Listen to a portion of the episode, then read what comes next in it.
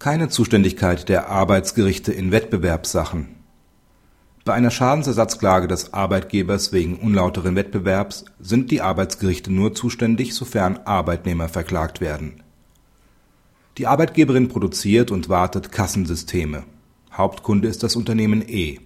Ein Arbeitnehmer schließt im Namen der Arbeitgeberin einen Rahmenvertrag mit der X GmbH, wonach die Arbeitgeberin bei dieser Bauteile mit einem Aufpreis abnehmen soll Anschließend gründen neun Arbeitnehmer der Arbeitgeberin und der Geschäftsführer der X GmbH eine KG, die dem Unternehmen E Wartungsverträge anbietet.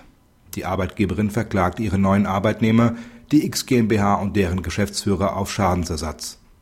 Sie behauptet, die Gründung der KG sei allein zu dem Zweck erfolgt, die Wartungsaufträge mit dem Hauptkunden E zu übernehmen der zuvor mit der X GmbH geschlossene Rahmenvertrag diene dazu, Kenntnis über die zur Ausführung der Wartungsverträge erforderlichen Geschäftsgeheimnisse zu erlangen.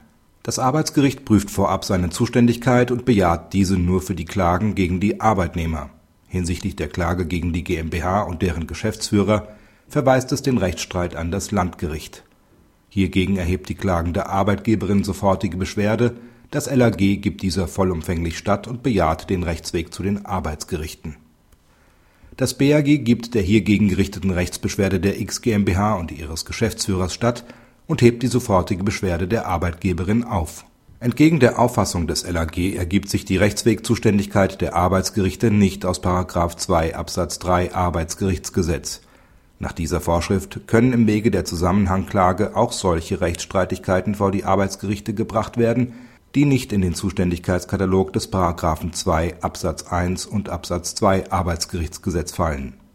Voraussetzung ist, dass sie mit einer beim Arbeitsgericht anhängigen Streitigkeit rechtlich oder wirtschaftlich im Zusammenhang stehen und keine ausschließliche Zuständigkeit eines anderen Gerichts gegeben ist.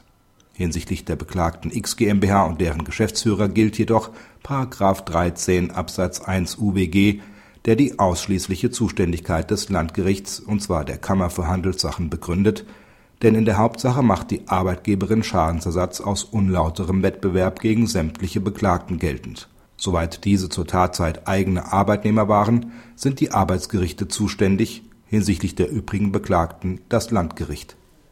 Praxishinweis Zusammengehörende Verfahren sollen einheitlich vor einem Gericht verhandelt und entschieden werden ein wirtschaftlicher Zusammenhang liegt bereits dann vor, wenn beide Streitigkeiten dem gleichen Lebenssachverhalt entspringen, was grundsätzlich anzunehmen ist, wenn die Beklagten Gesamtschuldner sind.